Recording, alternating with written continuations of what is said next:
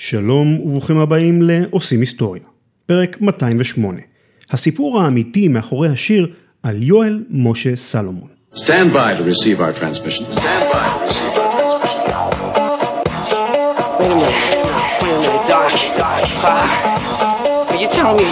transmission. עושים היסטוריה, עם רן לוי.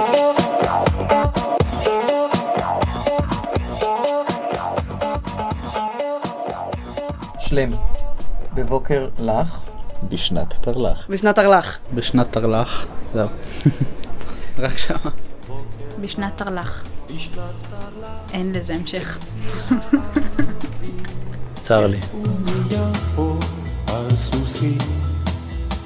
חמשת הרוכבים, שטמפר בא וגוטמן בא. כמה רומנטיקה.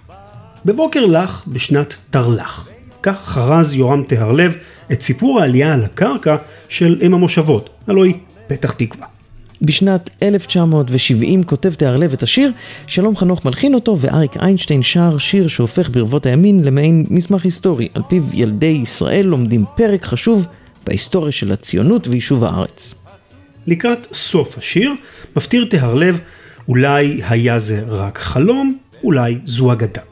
וכשמתחילים לחטט מעט בסיפור כפי שהוא בא לידי ביטוי בבלדה, מגלים עד כמה היא אכן בגדר אגדה.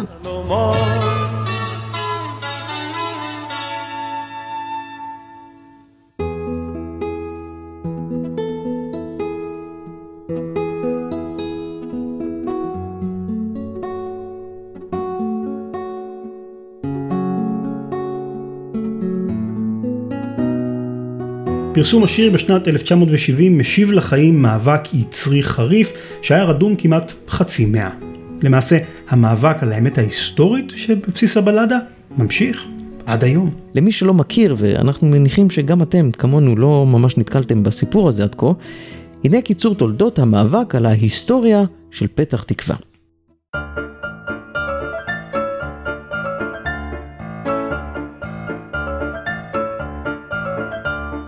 אז בשנת תרפ"ט, 1929, מתפרסם ספר בשם ספר היובל לציין את שנת היובל של פתח תקווה.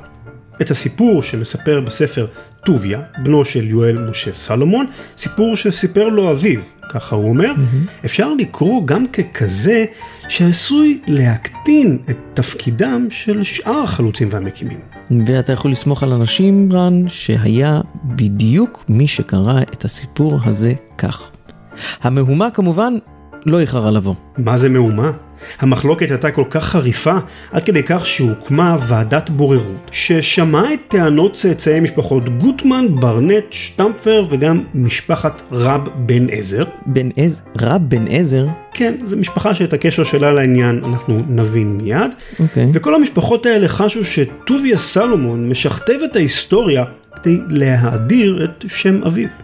ואכן בשנת 2008, בחגיגות 130 לייסוד אם המושבות, 80 שנים לאחר שהספר פורסם והמהומה שהוא עורר התחילה, בצהריים לך של שנת תשס"ח, ברוב טקס והדר עיריית פתח תקווה ערכה שחזור למסע של חמשת הרוכבים, כל הדרך מיפו לפתח תקווה.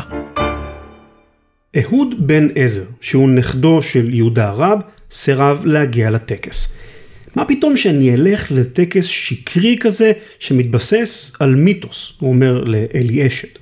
יהודה רב, בן דודו של יהושע שטמפר, היה איש צעיר בעת העלייה לקרקע בפתח תקווה. הוא, כמו האדונים שרכשו את הקרקע, התיישב בעבר הירקון, חרש וטיפח, והיה בין ראשוני אם המושבות. הוא פרסם ספר בשם התלם הראשון, ובו הוא מספר על המשלחת הראשונה לבחינת האזור שבו הוקמה לבסוף פתח תקווה, משלחת שבה היו חברים יואל משה סלומון ודוד מאיר גוטמן. את עצמו הוא לא הזכיר כמי שבא לבחון את השטח, וכידוע, הוא גם לא מוזכר בבלדה. ואכן, כפי שאמרת, אלי אשד מספר שנכדו אהוד בן עזר נאבק באמת ההיסטורית כביכול שהבלדה מציגה. והוא ממשיך, תבין, הוא אומר לאלי אשד, מה שפתח תקווה עשתה מהבלדה של יורם תיארלב זוהי בדיחה אחת גדולה שהפכה לנושא המרכזי של ההתייחסות ליובל המאה ושלושים.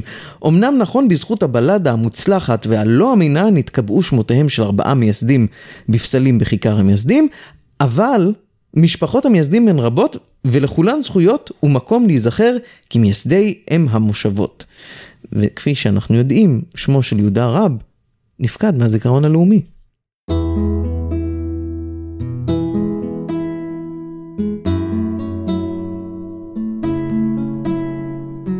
עושים היסטוריה שמחה להציג בפניכם את הבלדה על יואל משה סלומון, גרסת הריאליטי.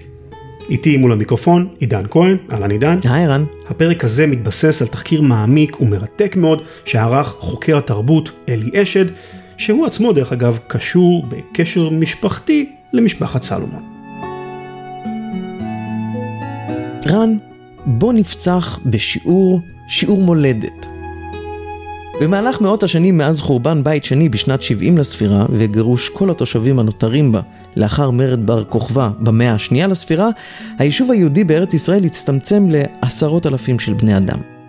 רובם חיו בעיקר בארבע הערים הקדושות, צפת, טבריה, ירושלים וחברון. המייחד אותן אלו הן ערי חומה, ערים שניתן בשעות הערב לסגור אותן על סורג ובריח ולמנוע כניסה של שודדים אליהן. על אף כמה גלי עלייה, כמו למשל זה שאירע לאחר גירוש ספרד, לא היה גידול משמעותי במספר התושבים היהודים, והחיים היהודיים עצמם בארץ נסבו בעיקר סביב לימוד התורה, ומאמצים לקרב את הגאולה. על אף קיומן של חוות חקלאיות של בודדים ברחבי ארץ ישראל, יהודים יש לומר, לא הייתה תנועה המונית של מתיישבים יהודים שעוזבים את לימוד התורה ובאים לעבוד את האדמה. חוקי הממשל העות'מאני על בעלות על הקרקע לא עזרו אף הם, אבל משהו בכל זאת מתחיל להשתנות באמצע המאה ה-19. אה, היציאה מן החומות. בדיוק. ב-1860 מוקמת השכונה הראשונה מחוץ לחומות העיר ירושלים, זוכר איך קוראים לה? משכנות שאננים. בדיוק, משכנות שאננים. המהלך של היציאה מן החומות נבע משתי סיבות עיקריות. ראשית, היישוב היהודי במהלך כ-1800 שנים היה חרדי. אנשים חיו על פי הדת, מילאו את המצוות כלשונן. הם התקיימו מכספי החלוקה, שהיא הייתה מגבית שנערכה בקרב היהודים בגלות על מנת לממן את לימוד התורה בארץ ישראל. אחדים מהם ביקשו להתנתק מכספי החלוקה ולהרחיב את ההגדרה של יישוב הארץ, לא רק לימוד תורה בארץ, אלא גם עיבוד האדמה. וזה גם די הגיוני, כי הדת היהודית היא בעיקרה דת חקלאית. רוב חגי ישראל קשורים קשר חזק באדמה. היישוב החרדי ביקש לחזור לימים בהם יושבי הארץ איבדו את האדמה. הסיבה השנייה ליציאה מן החומות היא הפרקטית יותר, הצפיפות בין החומות הגיעה לשיא, וחייב היה להימצא פתרון לבעיה.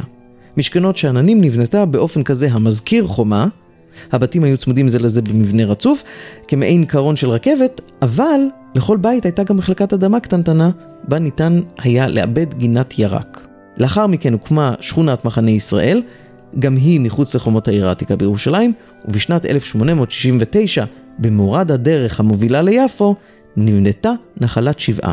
בין מקימי נחלת שבעה, שים לב, היה יואל משה סלומון. או, סוף סוף אנחנו מגיעים לגיבורים של הבלדה.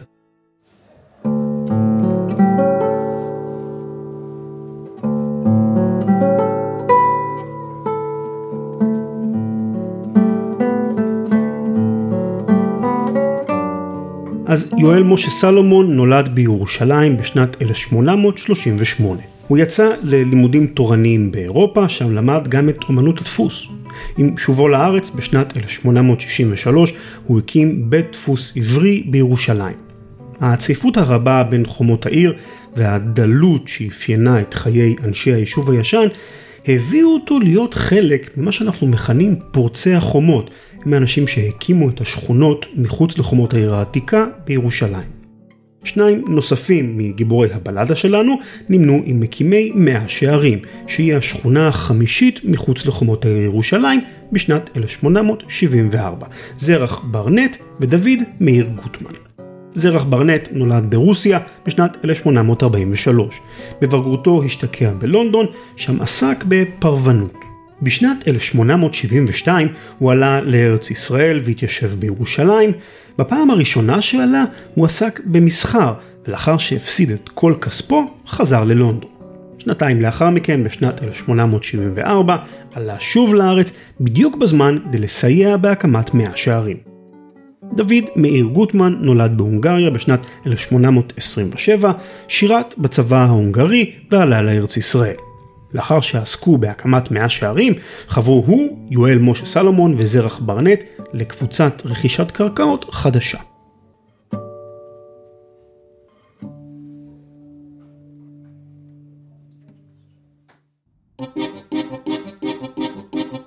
על הפרק, רכישת קרקע באזור יריחו.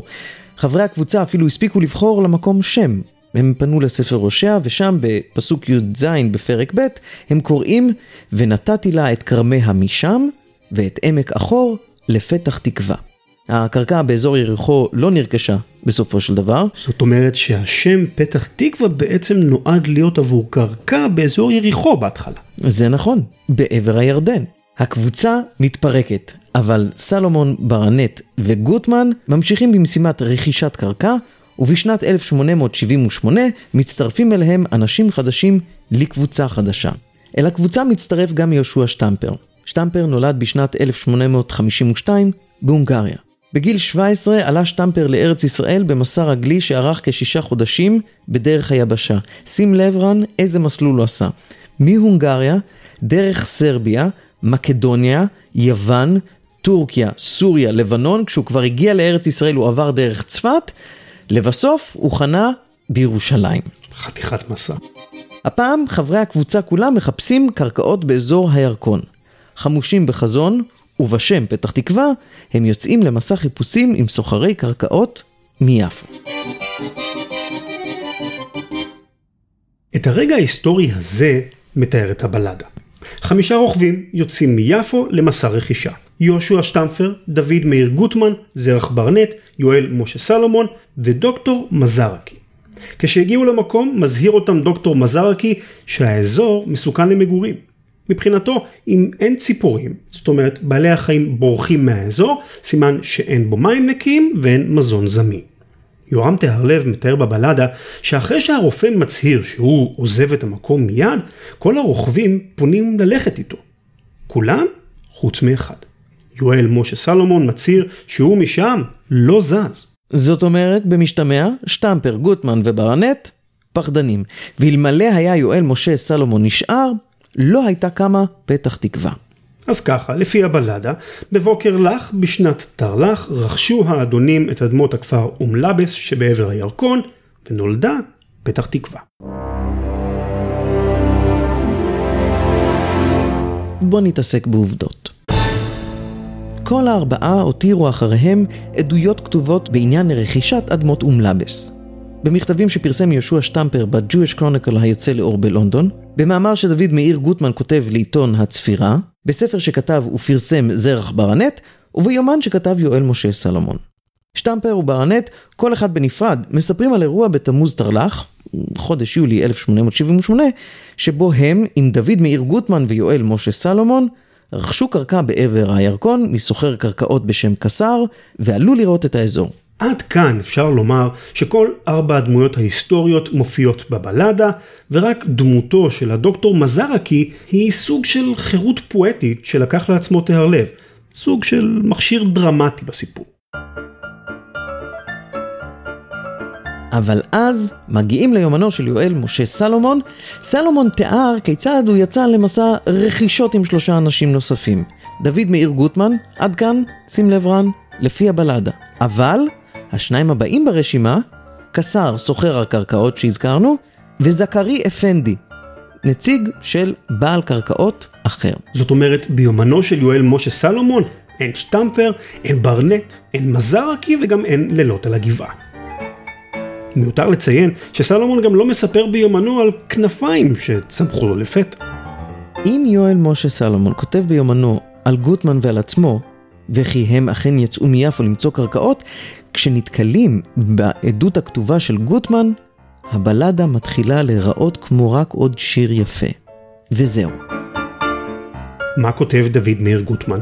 בשנת 1882 הוא כתב מאמר לעיתון בשם הצפירה, תחת הכותרת הקולוניה הראשונה בארץ הקודש. במאמר הוא מספר סיפור שמעניין בעיקר בגלל מה שאין בו. אין בו רופא, וגם גוטמן עצמו לא חלק מהסיפור. גוטמן, כזכור, היה מעורב ברכישת קרקעות, כך שאולי מדובר במקרה של יהללך זר ולא פיך, למרות שאין שום סימוכים גם לזה. טוב, אוקיי, נניח שמצליחים ליישב את הסתירות הללו, ושליאורם תהרלב עומדת זכותו של כל משורר ויוצר לכתוב בבלדה שלו כל מה שעולה על רוחו. אבל בכל זאת, במקרה הזה, נדמה שמישהו מנסה לשכתב את הסיפור ההיסטורי. ורן, התחושה הזאת מתחזקת עוד יותר, כאשר מסתכלים על העובדה שאף לא אחד מהם מזכיר בדבריו את הדוקטור מזרקי. אה, הדוקטור מזרקי, הדוקטור הכסוף. מי הוא בעצם הדוקטור מזרקי? רן, למען האמת, אתה יודע שהשאלה שלך לא מנוסחת היטב, כי השאלה צריכה להיות מי הם הדוקטור מזרקי. או, אלי אשד התחקה אחר השם, והחקירה הובילה אותו למסקנות הבאות.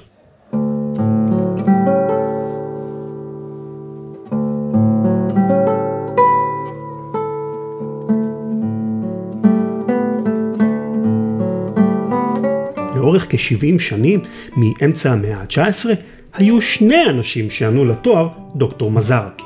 אלה היו שני אחים, רופאים יוונים שחיו בירושלים.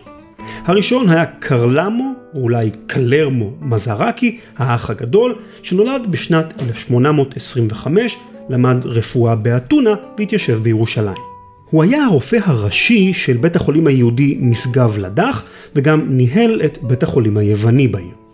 קרלמו נחשב להרופא בה"א הידיעה של אותה התקופה. המוניטין הטובים שיצאו לו אפשרו לו לגבות ארבעה פרנקים עבור טיפול, סכום שהיה גבוה פי ארבעה משכרם של רופאים אחרים בירושלים. קלרמו מזרקי לא דיבר את השפות המדוברות בארץ ונעזר במתורגמן צמוד בשם חנוך שאיתו הוא דיבר איטלקית. בזמן שמזרקי עצמו רכב על סוס, חנוך המתורגמן היה רץ לפניו ברגל. האח הצעיר ניקופורי מזרקי, שהיה צעיר מאחיו ב-30 שנה, ירש את מקום העבודה ואת המוניטין של האח הבכור. כמו אחיו לפניו, גם הוא קבע את מקום מושבו בירושלים. הוא, בשונה מאחיו הבכור, דיבר את השפות של העדות בירושלים, ואף ידע לדינו, קצת יידיש, ואפילו עברית. את שכונת ימין משה אהב מזרקי, הצעיר, אהבה מיוחדת. מיקומה אפשר לדבריו לאוויר הטוב של ירושלים לחדור לבתים מרובי הילדים. אוויר נקי וטוב היה בעיניו בעל סגולות ריפוי, וכשהיה נכנס לחדר כלשהו היה ראשית דבר דורש לפתוח את כל החלונות. נוסף על פעילותו הרפואית, נתמנה ב-1925 לקונסול יוון בארץ ישראל. ב-1928 חזר ליוון, שם הוא נפטר בשנת 1931. אבל איך האחים, איך הם עשו את דרכם לבלדה, אם בעדויות הישירות של המעורבים כולם, הרופא כלל לא מוזכר? זו שאלה קריטית להבנת האמת שמאחורי הבדיה שבבלדה. מיד ננסה לענות עליה, אבל ראשית, בואו ננסה להבין את הסיפור כפי שהגיע לידיו של יורם טהרלב.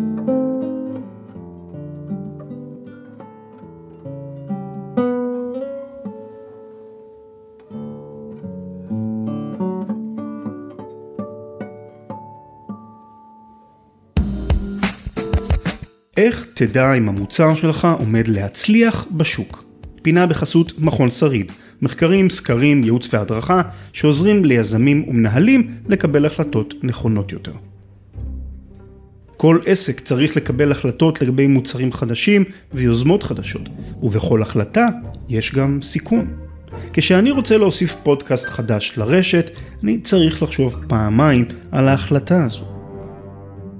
למה? עדי שריד, מנהל מחלקת חקר הביצועים במכון שריד, יסביר לנו את הבעיה. רוב היזמים, ואנחנו נתקלים בזה הרבה, במרכאות מאוהבים ברעיון שלהם. מבחינתם זה הרעיון אה, הכי טוב, ואיתו הם רצים, ו... אה, והוא חייב להצליח, כי אם הם צריכים את זה, אז כולם צריכים את זה. אה, ואז נשאלת השאלה, הכצעקתה, האם באמת אותו רעיון מדבר לאנשים אחרים כמו שהוא מדבר ליזם עצמו? נגיד יש לך איזשהו מוצר ש... שחשבת עליו, בוא ניקח מוצר פיקטיבי לגמרי, אוזניות, שמתריעות בפניך אם מישהו עומד לדרוס אותך, כן? אני אישית אוהב לעשות ג'וגינג בבוקר, כן, אה, להאזין לפרקים של עושים היסטוריה תוך כדי שאני עושה ג'וגינג, אה, ואז אה, נשאלת השאלה איך אני מתחמק ממכוניות שבדיוק, אנשים שיוצאים לעבודה.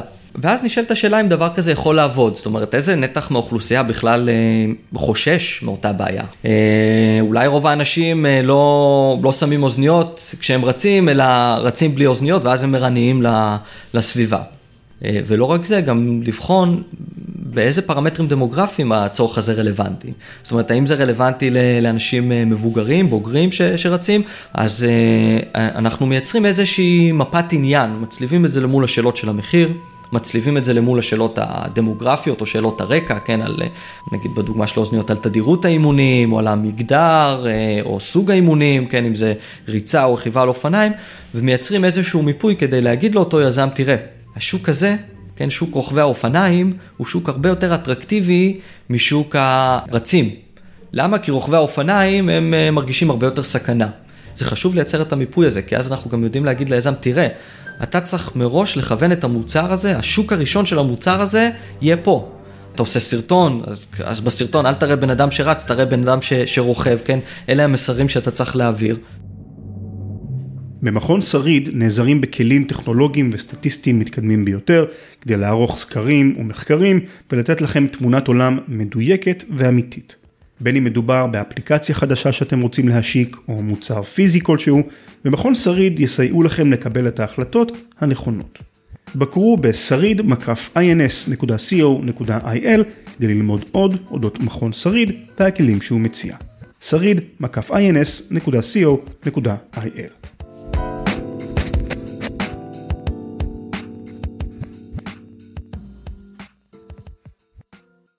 אז אם אתם לא גרים בפתח תקווה, ואם אתם לא צאצאים למייסדיה, יש סיכוי שאתם בכלל לא מודעים למלחמת הגרסאות שניטשת בשאלה מה בעצם קרה באותו הבוקר הלך בשנת תרל"ח ביפו. הצאצאים של המייסדים תובעים את עלבונם של האבות, למרות שעושה רושם שהאבות המייסדים בכלל לא ביקשו את הקרדיט. רן, אם בוחנים את העדויות שנצטברו במהלך השנים לעומק, כולם למעשה, מפנים אצבע מאשימה כלפי משפחת סלומון. סיפור ההקמה של אם המושבות, שעכשיו אולי נכון יותר לכנותו הסיפור לכאורה, קנה לו שביתה, והוא-הוא העומד בבסיס הבלדה שכתב טהרלב. הסיפור, כפי שנכתב בבלדה, מקורו ככל הנראה בספר שפורסם בשנת תרפ"ט, 1929, לכבוד שנת היובל להיווסדה של פתח תקווה. הדי המלחמה על הכתוב בספר נשמעים עד היום. סיפור העלייה לקרקע שמספר טוביה סלומון, סיפור ששמע מאביו, מעורר מחלוקת חריפה. הסיפור מאיר באור מסוים מאוד את שאר החלוצים. בקווים כלליים, טוביה סלומון מספר שאביו תיאר את יום רכישת הקרקע כך: לאחר שהם הגיעו לבחון את הקרקע המוצעת בעבר הירקון, הרופא שהביאו עמם לבחון את מצב התברואה, פסק נחרצות שהמקום לא ראוי למגורי אדם. גוטמן החליט בינו לבינו לרכוש את האדמה על אף דברי הרופא. הוא הביט בחבריו שעמדו חפויי ראש, וכולם המתינו שמישהו ידבר ראשון. יואל משה סלומון היה הראשון לשבור את הדממה. ובכל זאת, הוא אמר. שטמפר מיד הצטרף, ננסה! גוטמן התרגש עד מאוד חיבק את השניים, ופרץ בבכי מאושר. וגם הם בתגובה הצטרפו ובכו גם כן. הרופא שזיהה את ההתרגשות, אבל לא לגמרי רטיבה, חשב שהם בוכים על הכסף ששפכו לשווא על פיסת אדמה חסרת כל תועלת. עדיף, הוא אמר להם, עדיף לאדם להפסיד את כספו, ובלבד שלא יסכן את חייו היקרים מכל הון. הוא הופתע מאוד כשהוא הבין מהשלושה שעל אף מה שהוא אמר להם, הם מתכוונים להתיישב דווקא שם. זאת אומרת, מה שאנחנו בעצם מבינים, זה שסלומון היה הראשון לזהות, או לפחות להכריז על כך, שדווקא שם נשארים. רן, הסיפור בספר היובל מצית מלחמה יצרית. צאצאי משפחות גוטמן, ברנט, שטמפר ורב בן עזר חשו שטוביה סלומון משכתב את ההיסטוריה על מנת להאדיר את שם אביו. בעקבות כך מוקמת ועדת בוררות ששומעת את העדויות ומקבלת החלטה. הספר לא ייגנז, שכן עלה הרבה כסף להדפיסו, אך יצורף לו כרך שני, ובו נושאים שהעלו בני המשפחות שהודרו מההיסטוריה. החשש העיקרי מהפצתו של הספר הראשון נבע מהעובדה שיש שיראו בכתוב בו מסמך היסטורי מהימן. באמת, למשך מספר שנים הם הצליחו למנוע את הפצת הספר, אבל לבסוף הוא עשה את דרכו לידי קוראים וספריות למיניהם. סיפור רכישת הקרקע והעלייה אליה, כפי שסיפרו אותו בניו של יואל משה סלומון, התגלגל לספר אחר בשם זיכרונות ארץ ישראל, שכתב אברהם יערי. הספר הזה, זיכרונות ארץ ישראל, הוא זה שנפל לידיו של יורם טהרלב, והביא לו את ההשראה לכתוב את הבלדה על יואל משה סלומון. והבלדה הציורית הזו, שנכתבה בתום לב, הציתה מחדש את מלחמת הקרדיטים כמעט חצי מאה לאחר ששכחה. הנה אלי אשד. אז הנה זה מה שיורם טהרלב מספר. הגעתי לכתיבת הפזמון לאחר קריאת הספר זיכרונות ארץ ישראל של אברהם יערי. ספר שפעם נמצא כמעט בכל בית, ושהביא קטעי זיכרונות של ראשוני ההתיישבות בארץ, מאנשי העלייה הראשונה, השנייה, השלישית. ושם, תוך כדי קריאה, נתקלתי בזיכרונותיו של טוביה, בנו של יואל משה סלומון. הוא סיפר איך אביו ועוד כמה אנשים הגיעו לראשונה לאדמות האזור שהפך להיות פתח תקווה עם רופא יווני, מזרקי, שהגדיר את המקום כלא ראוי ליישוב אדם, ואיך למרות אכזבתם הקשה מפסק דינו, הם החליטו לבסוף להמשיך ולקיים במקום את יישוביו. והסיפור הזה הקסים אותי, ריגש אותי. יואל משה סלומון זה איש שרבים לא שמעו את שמו עד שאני כתבתי עליו את השיר. אני למשל, בקיבוץ שלי, שמעתי על בני העלייה השנייה, ולא שמעתי על אף אחד מלפניהם. פתאום, תוך כדי הקריאה, גיליתי את היישוב הישן החרדי, שגם הם בנו יישובים בארץ לפני כולם, יישובים כמו פתח תקווה. כל הקבוצה הזאת של יואל משה סלומון היו אנשים חרדים שהקימו את המושבות הראשונות. ישבתי וחשבתי, איך אפשר לעשות מהסיפור הזה פזמון? סיפור מדהים. כמעט שלוש שנים תלכתי עם הסיפור הזה בבטן וחיפשתי לו צורה. ולבסוף, בניתי את הפזמון שהוא מעין בלדה בצורה של אגדה שבה שילבתי שני סיפורים שונים. סיפור אחד על המשלחת, על הסיור לקראת קניית אדמות מפתח תקווה בחברת דוקטור מזרקי. הוא היווני שאמר שאי אפשר להקים שם יישוב, ומסיפור נוסף על ישיבתו של סלומון לבדו בכפר הערבי במשך שלושה ימים כדי לחוות על בשרו את התנאים במקום ואיך התושבים החולים במחלות עיניים חיים שם באזור הזה. לסיפורים האלה הוספתי מתוך חירות פואטית את תיאור הפיכתו לציפור. עד כאן יורם טרלב, ואני אוסיף שבעצם הוא יצר כאן מיתוס. מכמה סיפורים שונים, הבדיה הפכה למיתוס בידיו של יוצר המיתוס. שים לב, העובדות ההיסטוריות הן פשוט לא מדברות אלינו. הבלדה מדברת אלינו עם הסיפור המיתי. זה באמת מעניין אותנו שיו, שהיו שם סכסוכים קטנוניים בין אנשים קטנוניים, זה דבר שמישהו יטרח... אנחנו כן זוכרים סיפור כמו זה שיורם טהרלב מספר, זה מה שהזיכרון האנושי שומר, זה, כי זה מדבר ללב האנושי.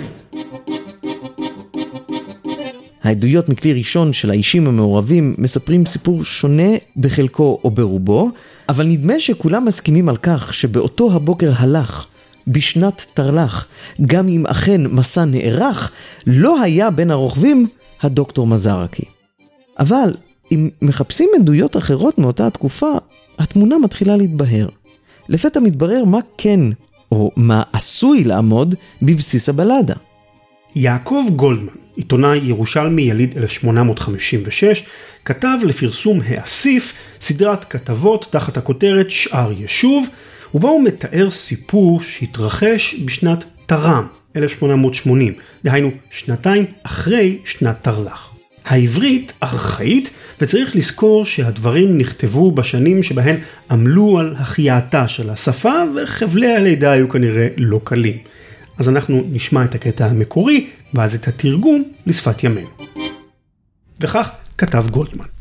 ובשנת תר"ם נאחזון החברים החדשים בנחלתם, ובהגיע עת החריש, עזבו בתיהם אשר בירושלים, ויצאו השדה לחרוש ולזרוע, ובתים לא בנו להם עודנה. וישכנו בערוץ נחלים ובנקיקי הסלעים ובמערות אשר כוננו על ידי הטבע בהרים ובגבעות, וברדת הגשם והשלג עליהם לא שטו לב, מאהבתם את האדמה ובצפייתם לטוב. ואחרי עבור ימי החורף אמרו בני האגודה לבנות בתים למושב, ויביאו את הרופא היותר גדול בציון, עזרייקה היווני שמו, אל הנחלה, למען יורם המקום אשר שמה יטהר האוויר. ויושביו לא ידעו רע ומשכלת, ויצב הרופא עליהם כי יבנו בתיהם על הגבעה, הרחק מימי הירקון. הירד דבר הרופא מבני החברה, בנה ביתו על הגבעה, ואשר לא שט ליבו לדבריו, בנה ביתו על שפת הירקון, למען יקל לו לצוד דגים חדשים לבקרים, סמוך למושבו. ותחלק החברה לשתיים, ותהי מריבה בין יושבי ההר ובין יושבי הנחל. ובו ימי האסיף, והנה בלהה. זרעו הרבה והביאו מעט, כי חלתה בם מערת השם. גם חולאים רבים ונאמנים דבקו בהם בימים ההם, את יגבר החום, ואחרים קראו למו שם קבר. ויהי פחד אלוהים על הנשארים, ויעזבו נחלתם, וישובו ירושלמה. רעבים וצועים, עניים ודלים מוכים במחלת הקדחת, ומייללים בשבר רוח. זאת הייתה מנת יושבי הנחל בשנה ההיא. ועכשיו בתרגום חופשי. בשנת 1880 הגיעו לפתח תקווה התושבים החדשים מירושלים על מנת לאבד את אדמתם. בתים עוד לא היו להם, והם מצאו מחסה ללילות בשטח, במערות ובערוץ הנחל. אפילו כשהגיע החורף, הם לא עזבו את האדמה. הם היו אופטימיים. אחרי החורף, ורגע לפני שהם החלו לבנות את בתי הקבע שלהם, קראו לרופא הטוב ביותר שהיה באזור, דוקטור מזרקי, לשאול היכן לדעתו המקום הטוב ביותר מבחינה תברואתית להקים את בתיהם. הרופא ציווה באופן חד משמעי לבנות את הבתים הרחק מהירקון. הרופא ציווה. מי שהקשיב לו, בנה את הבית על הגבעה. אבל מי שרצה להיות קרוב למים ולדוג דגים לארוחת הערב, נשאר על קו המים. בין שתי הקבוצות הללו פרץ סכסוך, ובימי האסיף, אפשר להניח שמדובר כנראה סביב חג הסוכות, בלהה. מעטים מאוד היו היבולים, ונדמה שאלוהים קילל את היבול. חולאים רבים תקפו את המתיישבים כולם, הן על הגבעה, הן על המים, ומצאו את עצמם חוזרים לירושלים, אלו שנותרו בחיים, ואת האופן שבו הוא מתאר את מצבם נשאיר ברשותכם בעברית הארכאית.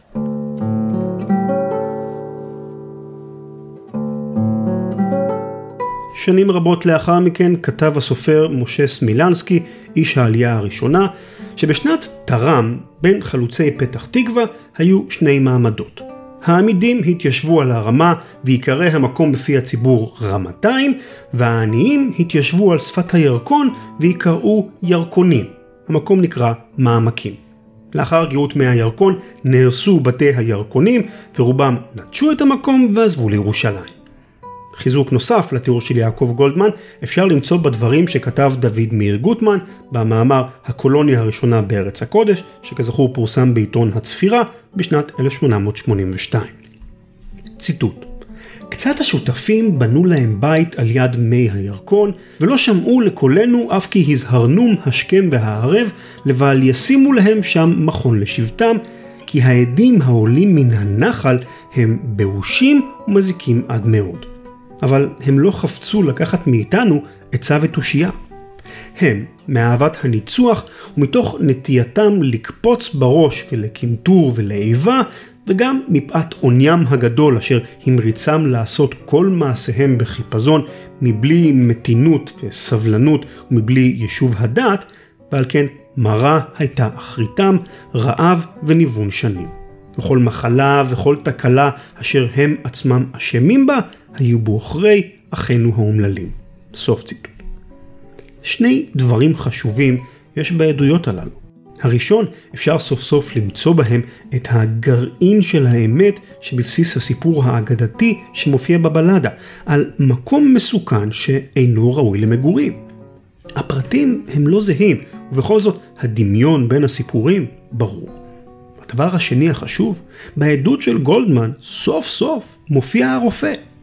אבל רן, אם נתרכז רגע בפרטים, מי משני האחים זה היה? הרי גם גולדמן לא ממש מזכיר את השם הפרטי של הרופא.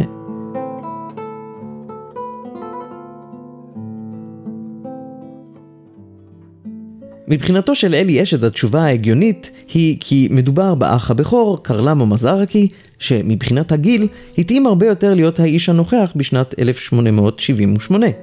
קרלמו מזרקי היה צריך להיות בן 53. אבל, הוא מחדד, ישנה בעיה קטנה. מזרקי הבכור נעזר במתורגמן. גם בגרסאות שכבר מזכירות את הרופא, חנוך המתורגמן לא מוזכר, וזו דמות שהייתה יכולה להוסיף נופך דרמטי לסיפור. אם הזרקי הבכור לא דיבר את שפת המקום, הוא לא יכול היה לדבר ישירות אל יואל משה סלומון, כפי שזה סיפר לבניו. היות ולא היה מתורגמן באף אחת מהעדויות, ובהתחשב באהדה הרבה לאוויר הנקי שהייתה לאח הצעיר, קרוב לוודאי שהרופא שבא והזהיר היה דוקטור מזרקי הצעיר. צעיר מאוד. אם הוא אכן ביקר עמם בשנת 1878, הוא היה רק בן 23.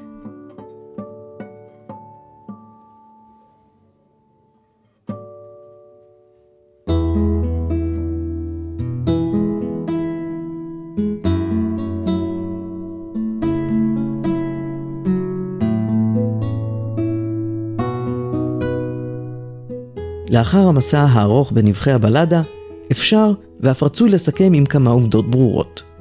היה גם היה דוקטור מזרקי כפי שכבר שמענו, אפילו שניים. והיו גם גוטמן ושטמפר, ברנט ורב בן עזר, וכן, גם יואל משה סלומון.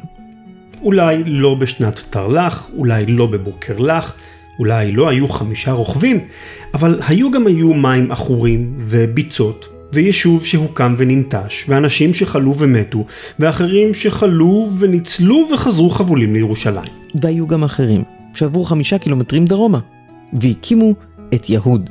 המתיישבים שעלו לקרקע בפתח תקווה בשנת תרל"ח, עזבו אותה.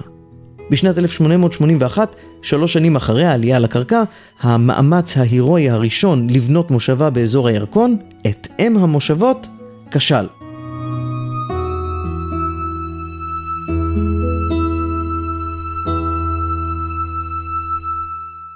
ניסיון נוסף להקים את פתח תקווה מחדש על אדמות אומלבס נעשה בשנת 1886, וב-1887 נרשמה סוף סוף הצלחה.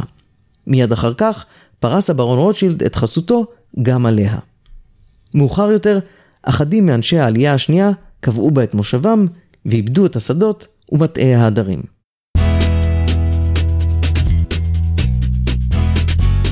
ומה באשר לגיבוריה של הבלדה? בואו ניפרד מהם אחד-אחד לפי סדר הופעתם בבלדה עצמה.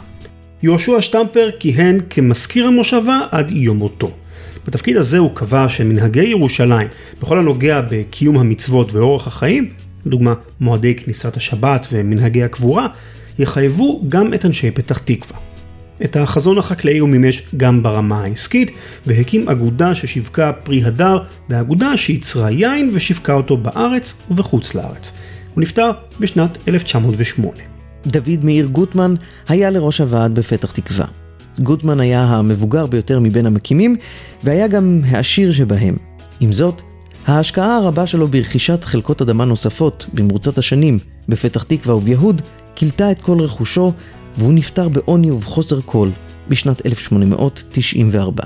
זרח ברנט חזר ללונדון בשנת 1880 אחרי שחלה בקדחת. רק ב-1885 עלה שוב לארץ והתיישב שנית בפתח תקווה. ב-1890 מכר ברנט את ביתו בפתח תקווה ורכש אדמות סמוך ליפו, שעליהן הוקמה לימים שכונת נווה שלום. ברנט נפטר בשנת 1936 בגיל המופלג של 93. ויואל משה סלומון? מה איתו באמת? הוא עבר להקים את יהוד כשפתח תקווה ננטשה בשנת 1881 ובערוב ימיו שב לירושלים. הוא הלך לעולמו בשנת 1912.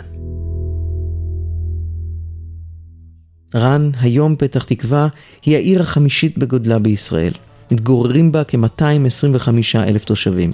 יש בה אזורי תעשייה ומשרדים, בתי ספר וגנים, בית חולים ענק בלינסון השרון ומתחמי בילוי רבים. האופי החקלאי נזנח והפרדסים פינו את מקומם לרבי קומות.